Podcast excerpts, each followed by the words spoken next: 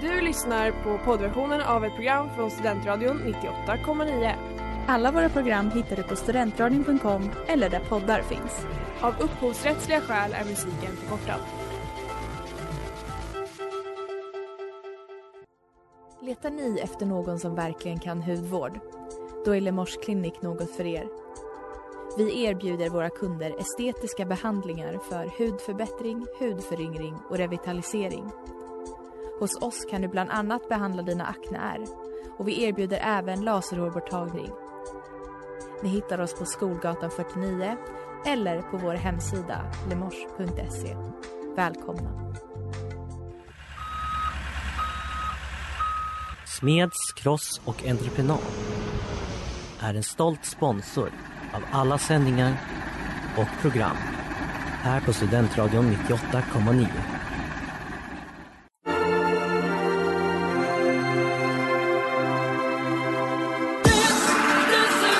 Kulturell belastning. Du är alltid så arg, Annie Lööf. Sluta skrika och gapa i varenda debatt. Det finns ett kulturförakt. Man känner sig som en bohem och en slusk och en... Du lyssnar på Kulturell belastning i Studentradion 98,9 med mig Emma Johansson och med dig Hanna Lindmark. Vi är din guide till veckans kultur och inrikespolitik. Dagens avsnitt handlar om böcker. Eh, Vi pratar om vilka böcker som har väckt samhällsdebatt, Sverigedemokraternas vitbok och så tar vi tempen på bokrean i Uppsala. Häng med!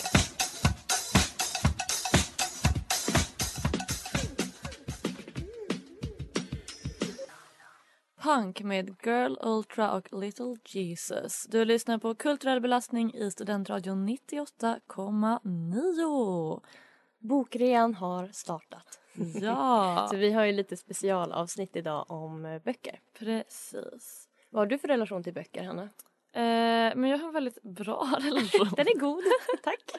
ja, nej, men jag upptäckte för alltså, typ förra året att så här, återupptäckte jag typ, hur mycket jag tycker om att läsa. Mm.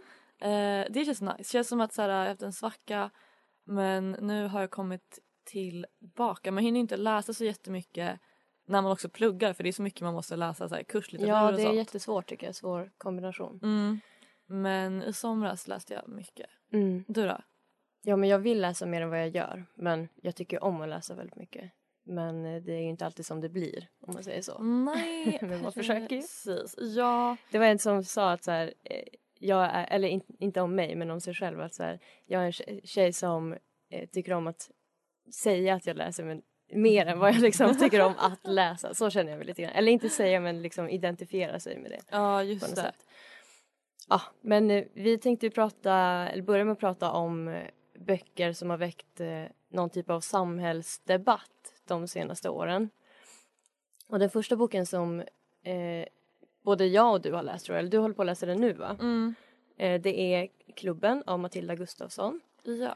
Eh, och den handlar ju om, om en hela Svenska Akademi-härvan liksom. Med Arnault och med allting som hände där. Eh, och eh, efter att klubben, eller egentligen så började det med att det var typ en tidning, tidningsartikel eh, Mm. som Matilda Gustafsson skrev. Mm. Om, där hon liksom, eh, jag tror det var både med bild och att liksom kvinnor som hade blivit utsatta för den här Mm. Jean-Claude Arnault eh, som var liksom huvudpersonen på ett kulturställe i Stockholm som heter Forum. Mm, att de fick berätta om sina, de övergreppen som de hade varit med om, Mm. eh, som han hade utsatt dem för. Och eh, efter ett tag så kommer också boken Klubben som handlar om själva processen, typ att skriva den artikeln tror jag och Mm. eh, ja men mera backstory och typ jag tycker den är ganska bra för att den förklarar också typ hur man kan känna Alltså den är inte så svartvit, det är inte så här antingen är man bara ett offer eller så är man bara en förövare utan det kan också vara så här jag ville ligga med honom för att han hade makt och jag ville Mm. bli en framgångsrik poet men sen Mm. blev det skit liksom för han, han var en våldtäktsman. Alltså Ja. att det är verkligen, det tycker jag är bra med den.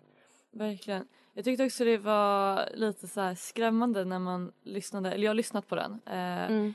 Och när hon typ berättade om att det bara var så här, ah, typ att så här, det har varit rykten om det här och sen så bara åh och sen hade jag en bekant som så här, kände någon som bara ah, den här personen borde du prata med och sen så kom det fram tre andra som hörde av sig till mig och sen var det två andra alltså det Mm. var bara så här fler och fler och fler och fler som bara drogs in i det här och att så här, inse så här, sakta men säkert bara hur stor den här grejen har varit. Ja, verkligen.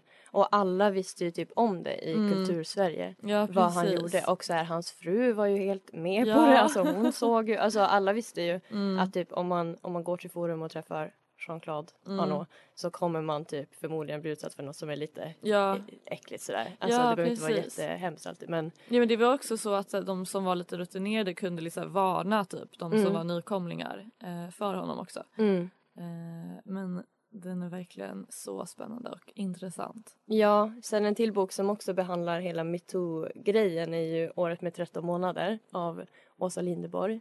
Och den tycker jag är lite spännande för att den typ, eh, alltså hon pratar lite från bakom kulisserna typ Mm. i hela kulturdebatten kring metoo. Och att hon är ganska, hon är inte så som vissa feminister kanske i mer unga, som i vår ålder typ, Mm. kan vara. Att allt är väldigt svartvitt och så här, alltid när en kvinna berättar så måste man, alltså så här, Mm. Åsa Linderborg är lite mer så här, ja det finns ju både och, det finns ju onda kvinnor också. Alltså jag Ja. kan tycka att hon läser lite väl mycket så i sin bok men det är också hennes dagbok liksom så jag fattar, Mm. hon visar ju liksom på sina fula tankar också kring Mm. och typ hela grejen med Fredrik Virtanen skriver hon ju också om att så här, hon är orolig för honom och hon känner att hon är den enda som finns där för honom och sådär. Mm. Eh, men den boken väckte också lite debatt när den kom för att den liksom behandlar hela den eh, samhällsdebatten.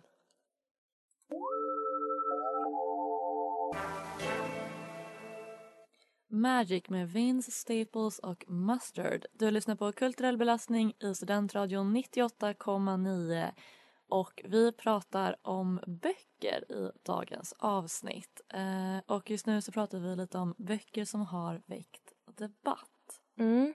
Och jag läser ju eh, Liv Strömquists senaste bok just nu, I spegelsalen. Mm. Inne i, nej, inne i spegelsalen tror jag den heter. ja, ungefär. Eh, och den handlar ju om eh, liksom vår typ relation till eh, skönhet och Mm. typ eh, sexighet och sådär Mm. i vårt samhälle idag. Och hon är ju också så att hon så här, blickar tillbaka väldigt mycket till så här, undrar varför vi är så besatta av det här idag. Alltså, det är det hon är bra på, att hon liksom kopplar det ända tillbaka till liksom antiken och sådär. Ja, Eh, och eh, jag vet inte om det är just den boken som har väckt den debatten men det har ju verkligen varit en debatt senaste tiden mm. och olika liksom aspekter på typ åldrande, skönhet, att vara en kvinna, så här, att ha ett utseende. Alltså, Mm. Både att, eh, ja men bland annat Åsa Linderborg som vi pratade om innan låten Mm. och eh, Nina Björk tror jag och några andra har skrivit om att så här, åldras eh, som kvinna. Eh, och det känner jag att jag inte kan relatera så mycket till för att vi Nej. är så unga. vi pratade om det att så här, för mig känns det, det känns liksom, jag kan inte ens tänka mig att jag kommer bli så gammal. Alltså så här, Nej. Verkligen. det är för långt bort. Men, och sen eh, hela den här debatten kring Under kniven också, den här dokumentären om eh, skönhetsingrepp som gjordes av Erik Galli för eh, ja, men någon månad sedan. Mm. Det har liksom verkligen varit på tapeten och det känns som att den här boken av Linn Strömquist är en del av hela den debatten om hur ska vi förhålla oss till våra utseenden. Mm. Verkligen. Det är också så här, äh, det känns som att det är så relevant för att det är verkligen typ i vår tid att så här, Mm. skönhet verkligen är ett eh, kapital. Verkligen. Eh, och kanske främst för kvinnor. Mm. Eh, Ja, och det gör ju Ström, Liv Strömquist väldigt bra att hon, hon kopplar det ju till så här, eh, jag menar att vi lever i ett kapitalistiskt samhälle och hur, Mm. varför, ja men så här, att hon kopplar ihop det med att vi är så besatta av utseende och sådär. Mm. Eh, med konsumtion och hela den grejen. Eh, ja, eh, vi ska, ska också prata lite om en bok som jag har läst i höstas eh, Mm. som heter Trion och är skriven av Johanna Hedman. Mm. Eh, och den här boken väckte eh, inte en så stark samhällsdebatt men en kulturdebatt. Mm, verkligen. Eh, och den fick ganska mycket kritik. Det var väl därför egentligen den väckte en sån debatt för att den fick mycket kritik. Ja. Eh, både typ för att den hade blivit så liksom upphypad eh, innan den släpptes. Mm. Eh, och sen så då tyckte typ kritikerna att så här, den kanske inte levde upp till det eller att så här, de hade väldigt höga förväntningar på den. Och Mm. den fick ganska mycket kritik för att vara en debutant. Eh, Mm. För man brukar tydligen inte ge så Nej hård kritik. precis. Det är typ lite så här en oskriven regel att man kanske inte så sågar liksom Mm. debutanter. Eh, men den fick väldigt mycket kritik. Eh, och bland annat så fick den kritik för att den typ inte hade så här nog spännande handling, att den var tråkig, att den var händelselös. Mm. Eh, mycket sånt typ att det inte så hände så mycket. Mm. Och det tyckte väl vissa då och även jag Mm. var lite orättfärdig eh, kritik. Mm. För att det är liksom, jag tycker dels att det är konstigt att ge kritik till en bok för vad som typ händer i boken. Alltså det Ja. är, Eller så här, vad det är konstigt. för typ av bok. Mm. Alltså man kan ju inte säga att du skulle ha skrivit en helt annan bok. nej Då skulle du väl precis. recensera en annan bok. Alltså, Ja, ja verkligen. Och särskilt också den här boken eftersom den verkligen är ett liksom typ relationsdrama och det är så mycket Mm. fokus på eh, den här gruppen människor och deras relationer och så här, vad som händer mellan dem och vad som händer typ i dem själva och så. Mm. Och då tycker jag att det också så här kommer fram tydligen för att det inte är en så här jättespecifik typ händelsekedja som liksom med massa spännande saker som händer utan det är Mm. spännande är ju relationerna mellan dem och hur de förändras och liksom utvecklas. Mm. Eh, Ja, ja, men det var en intressant kulturdebatt som väcktes i alla fall. ja, verkligen och så här, vad Ja men typ vad ska litteratur vara och Ja. vad, hur ska man typ bedöma det och liksom Och hur ska kritik liksom, Mm. hur funkar det med kritik? Ja. Follow Me Home med Rome is not a town. Det här är kulturell belastning i Studentradion 98,9 och nu ska vi frångå vårt lilla boktema och prata om riksdagen eller reality. Och så kan eh, du, är kan du, eh, kan du är bara beskriva det för oss Du kan imorgon? behålla den där. Du är lika two-faced som Marro. Du är mest falsk här inne. Ja, eh, för att den här veckan eller kanske det var i helgen eh, så kom det uppgifter om nya versionen av Paradise Hotel som ska börja sändas till hösten. Det här är jag så intresserad av. Ja, det nya programmet ska då heta bara Paradise tror jag. Eh, och de har lite nya regler, lite nya liksom ja, nya riktlinjer och sådär. Bland annat då att eh, alla deltagare måste vara, vi kan ju börja med att säga att det kommer väl från eh, att det eh, ja, uppkom Mm. saker från den senaste säsongen som sen blev avbruten. Mm. Bland annat det var misstänkta övergrepp också som hade spelats in och då Mm. så insåg de väl att de måste göra någon slags förändring i produktionen. Mm. Men då det första är att alla deltagare måste vara över 20 år. Mhm. Eh, vilket jag tycker kan vara väldigt bra. Ja, Eh, faktiskt. för en 18-åring, om, jag, alltså, om man tänker på en 18-åring så Ja. känns det verkligen som ett litet, litet barn. Ja, alltså, verkligen. Eh, sen också att par inte längre ska bildas eh, avgörande av könet. De måste kunna bilda par med vem som helst. Mm. Eh, jag kan också säga att de har sagt att eh, det numera är öppet för icke-binära att söka till programmet. Det är så sjukt att det inte har varit det. Ja, det är så konstigt. Jag trodde verkligen... Ja. Eh, Alltså, bästa Paradise. Det är sjukaste programmet. Ja. Eh, Det är inte heller längre ett krav på att vara singel när man söker och det kommer vara enkelsängar i rummen så man behöver inte sova tillsammans eh, med sin partner. Och så säger de också att så här, det kommer vara nya teman och eh, fokus på liksom nya problem och samtida värderingar. Hur tror du att det kommer gå? Ja, jag undrar om de som liksom söker nu om det är helt andra personer för annars kommer de väl bara göra samma sak fast i enkelsängen. Eller så här, Ja. jag tänker, ja jag vet inte. Eller så, jag tror inte att det blir roligare i alla fall. Jag tror att det kommer bli ett tråkigare program. Ja, det tror jag också. Vi har tänkt lite på att så här, det känns ju som de har ju rebrandat sig själva Ja. och det gör ju även våra politiker i Ja. riksdagen. Eh, det men till exempel, ja jag skrev lite så här, ja, att eh, Paradise Hotel är det nu världens första woke realityprogram. Mm. eh, jag kan ha lite jämförelse till Socialdemokraterna eh, som så sa att de var världens första feministiska regering. Mm. Hur feministisk var den egentligen? Jag vet inte. Det vet inte jag heller.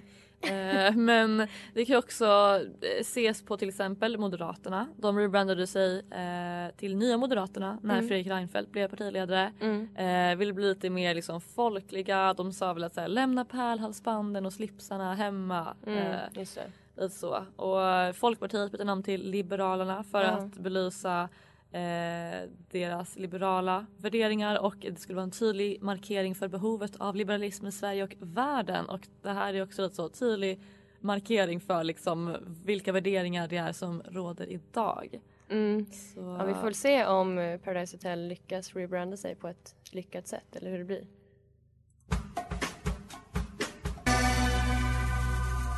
The Link is about to die med Los Bichos. Nu ska vi lyssna på ett litet reportage ifrån bokrean. Girls in town. Nu så står vi alltså på Akademibokhandeln på bokrean. Klockan är halv nio och bokrean är i full gång. Eller vad säger du Emma? Ja, det är ganska folktomt här än så länge. Ja, Men man märker att det är stämning i luften. det är första dagen. De har just öppnat. Men det var inte kö här när vi kom. Nej, absolut inte. Men vi ska gå och prata med lite folk som är här. Vad heter ni?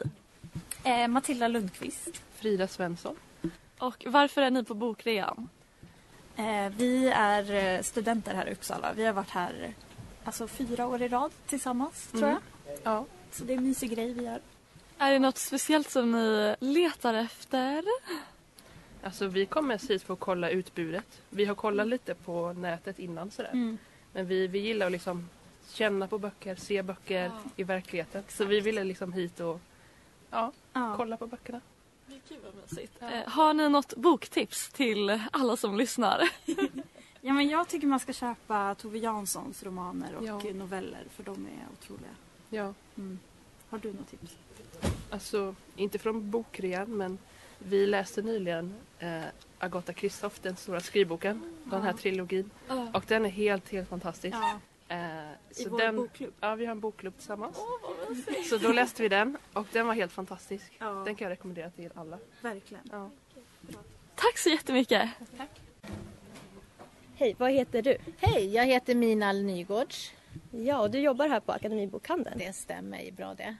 Eh, hur känns det att bokrean är igång nu? Alltså det känns jättekul, jättefantastiskt. För oss som jobbar i, i, med att sälja böcker, då är det här den största dagen på hela året. Många tycker att det här slår, liksom i rolighet och i storhet slår julhandeln. Så Ja. det, det är jättekul.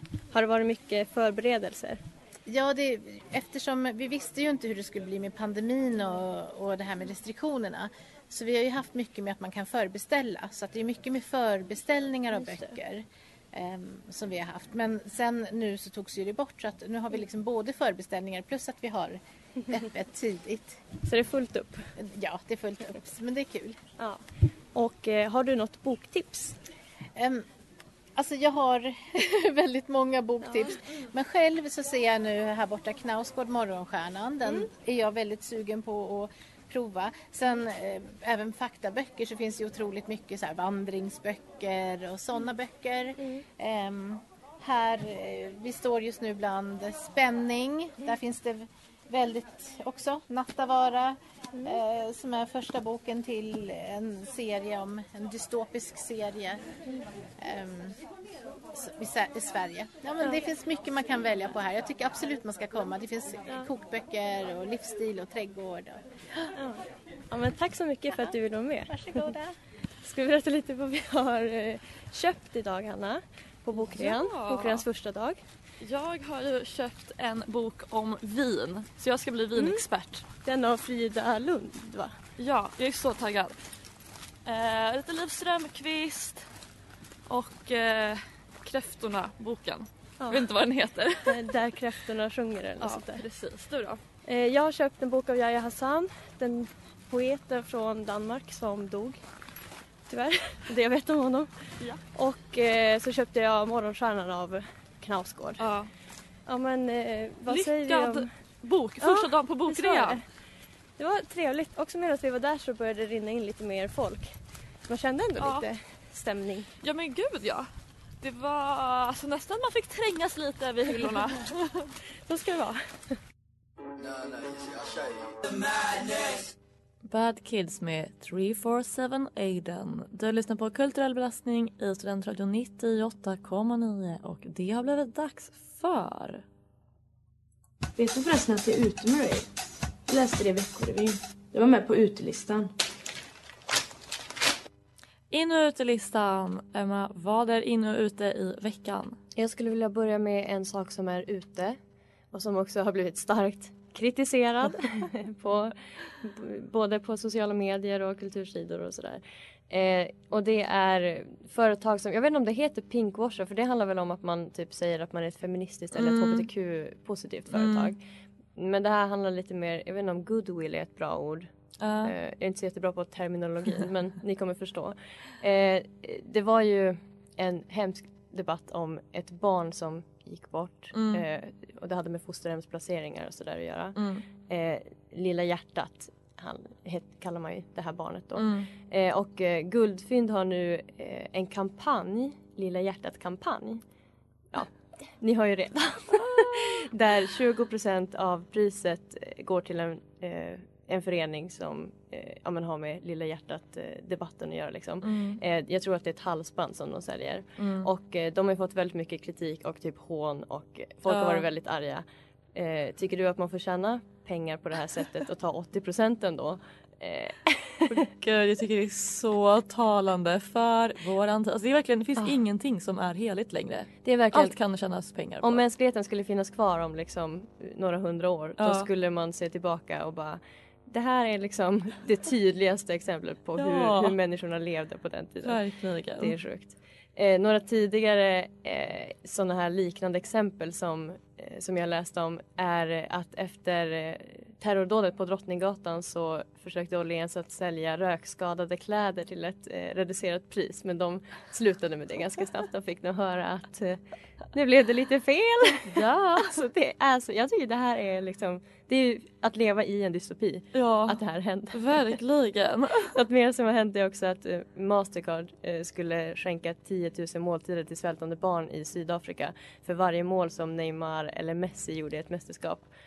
Det är också så. Herregud, ja. Det var folk gud. väldigt arga för att det var liksom villkoret att det var så här, jaha om de inte gör några mål då slapp ni. Alltså, Men gud, alltså jag kan också prata om fotbollsspelare och liksom folks typ dyrkan för dem hur länge som helst. ja, Eh, så vi kanske inte ens ska gå in där Nej. En annan dag.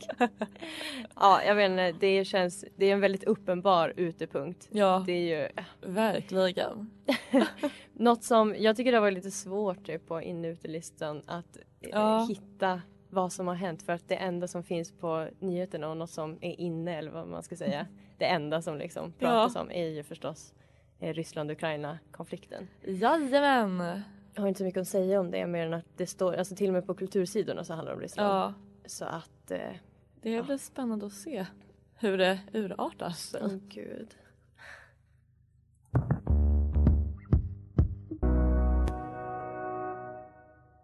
Det där var Sister to Sister med Ebay och det här är kulturell belastning i Studentradion 98,9 och vi har lite boktema idag. Ja, och jag har läst en krönika i SvD eh, av den här historikern Dick Harrison, vet du vem det är? Det är han som har så rolig dialekt. Ja! Harrison hade han sagt. Känns som man är lite uppvuxen med honom Ja. i så här historieprogram i, i skolan. Ja, verkligen. Ja, den handlar i alla fall på sätt och vis om böcker. En, en slags eh, bok. Den handlar om Sverigedemokraternas eh, vitbok som ska skrivas. Eh, och eh, en vitbok är alltså när en historiker går igenom och analyserar ja, men till exempel ett parti då. Mm. Eh, dess historia och typ eh, grundande och sådär Mm. på ett vetenskapligt sätt. Och det är alltså för att SD eh, ska ha en text eller forskning liksom att referera till när de anklagas för att vara ett rasistiskt eller högerextremt parti. För att de ska kunna säga så här: nej läs vår vitbok, det är inte sant att vi Ah, okej. är nazister typ. Ja, Eller vad de nu anklagas för att vara. ja. Eh, så det är alltså att ett parti eller till exempel en regering eller sådär beställer en vitbok av en forskare kan man säga. okej. Eller typ en historiker. Eh, och förstås så, man hör ju det i själva konceptet att det är något som kan ifrågasättas ganska Ja. mycket eftersom att det känns som i allmänhet beställd forskning som har Verkligen. ett mål att komma fram till en viss sak är ju Ja. lite speciellt liksom. Men Eh. är det alltid så här att det ska ha varit alltså någon så kontroversiellt? Jag vet inte, det verkar lite så. Mm. För om man tittar på tidigare vitböcker som nämns i den här artikeln så är det till exempel att Vänsterpartiet kommunisterna som de hette då Mm. eh, att det skrevs en vitbok om deras koppling till Sovjet och andra öststater. Ja, okej. Och det var ju liksom, man hade ju en, en, en eh, svenskarna tyckte inte om det på den Nej. tiden kan man säga. Med så här, Verkligen eh, relation till Ryssland och sådär. Ja. Eh, jag vet att Churchill beställde också en vitbok efter första världskriget så det är väl lite kanske Ja. när det har varit typ kontroverser och sådär för Ja. att kunna typ rentvå sig. Ja. Eh, men tycker du att det verkar bra med vitböcker? Eh, alltså, mm, ja, jag vet, ja, det kan väl alltså, på ett sätt så här. Eh, folk, det blir, annars blir det här att så här, man typ cancelar Mm. partier och Utan folk att och sånt liksom där. ha granskat det egentligen. Ja, precis. Eh, men sen så kanske det också så här. Det känns ju som att det kan vara lite Ja, det kanske beror på vem, vem forskaren är. Om man får Ja. välja forskare. Ja, precis. Och om det liksom Och det tror hur jag. det görs och hur det går till. Ja. Eh, känns som att det kan vara lite kontroversiellt Ja, Dick Harrison, han som skrev den här artikeln, eller Ja. krönikan, tycker att det är bra med vitböcker för Mm. att det är liksom ett så tydligt koncept. Man vet Mm. vem som beställer och man vet vad det finns för Ja, det är intentioner. sant. Då är det ju kanske transparent. liksom- Ja, det kommer att granskas väldigt hårt Ja. och det kan liksom leda vidare till fler frågor och mer behov av forskning. Liksom. Ja. Och Sverigedemokraterna själv hoppas eh, kunna presentera något av den här boken innan valet redan. Så det är väl en del i Ah, deras liksom, plan okej. för att det ska gå bättre i valet. Ja. Ehm, och eh, de tycker att de skildringar som liksom finns av deras historia just nu Ja. inte är så trovärdiga Nej. för att det liksom är opinionsbildning. Eh, att det liksom är syftet och därför tycker de att, eh, att det är bra med en vitbok. Mm. På sätt och vis så kanske det, alltså får se vad den, Vad, det, vad den kommer fram till. ja, och om det kommer påverka valet. Dubbla skift med Gulid. Det här är kulturell belastning i Studentradion 98,9 och vi har kommit fram till Oh no! veckans tabbe. Jag har ju sjukt nog fortsatt följa politiken, något jag Ja. aldrig gjort tidigare för, på det här sättet. Jag såg på Agenda, det var ju, jag tror det var special, det var två timmar om eh, skolan och Mm. hur vi ska få bättre resultat i skolan och sådär. Eh, och eh, jag tror att många känner till det här. Det blev ändå en ganska, det blowade upp lite på Twitter och sådär. Ja. Eh, Liberalernas skolpolitiska talesperson Fredrik Malm, eh, han fick frågan om, om han ville ha betyg från lägre ålder. Eller om han tyckte det var bra med betyg. Mm. Eh, och då eh, sa han att ja, det tycker jag är bra. Och eh, då sa programledaren, men forskningen eh, säger ju att det inte är så. För att de hade liksom forskare i studion som Mm. innan hade liksom redovisat så här, det här är vad forskningen säger. Ja. Sen får ju politikerna säga vad de vill liksom. Mm. Och svaret på det blev, eh, alltså från Fredrik Malm då, från Liberalerna blev, det är så, jag är helt övertygad. Jag har två barn själv och jag, jag vet att med betyg, i alla fall för den äldsta av dem som har betyg, så är han väldigt engagerad i att läsa sina läxor. Är Det är jag om jag hade varit politiker. han har prestationsångest? Ja gud, det är bara kul liksom den lite relativa eh, relationen till forskarna i den där studion. Ja, verkligen. Ja, men gud. Det är faktiskt en tabbe. Det var en tabbe och han Ja. har fått försvara sig i efterhand. Ja, okej. Men Emma, hur känner du efter dagens eh, lite specialavsnitt? Kanske man kan säga. Ja, nej men kul att, eh, att eh, prata om böcker och kul med bokrea. Och jag ska läsa de böckerna som jag köpte. Det ser jag fram Ja, emot. jag med. Men vi är tillbaka som vanligt igen nästa vecka, samma tid, samma kanal. Så lyssna då. Du har lyssnat på poddversionen av ett program från Studentradion 98,9. Alla våra program hittar du på studentradion.com eller där poddar finns. Och kom ihåg, att lyssna fritt är stort, att lyssna rätt är större.